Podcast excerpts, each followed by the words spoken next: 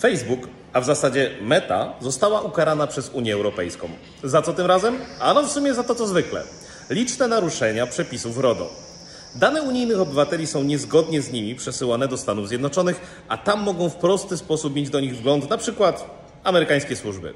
Nakazano więc Meta zaprzestanie takich praktyk i wyznaczono na to termin 6 miesięcy. Ale to nie wszystko. W pakiecie dochodzi jeszcze największa do tej pory kara ponad miliarda euro. Dobrze wiedzieć, że nie rozmawiamy tu o drobnych. Meta oczywiście kwestionuje zasadność kary i ma zamiar iść z unijnymi legislatorami na noże.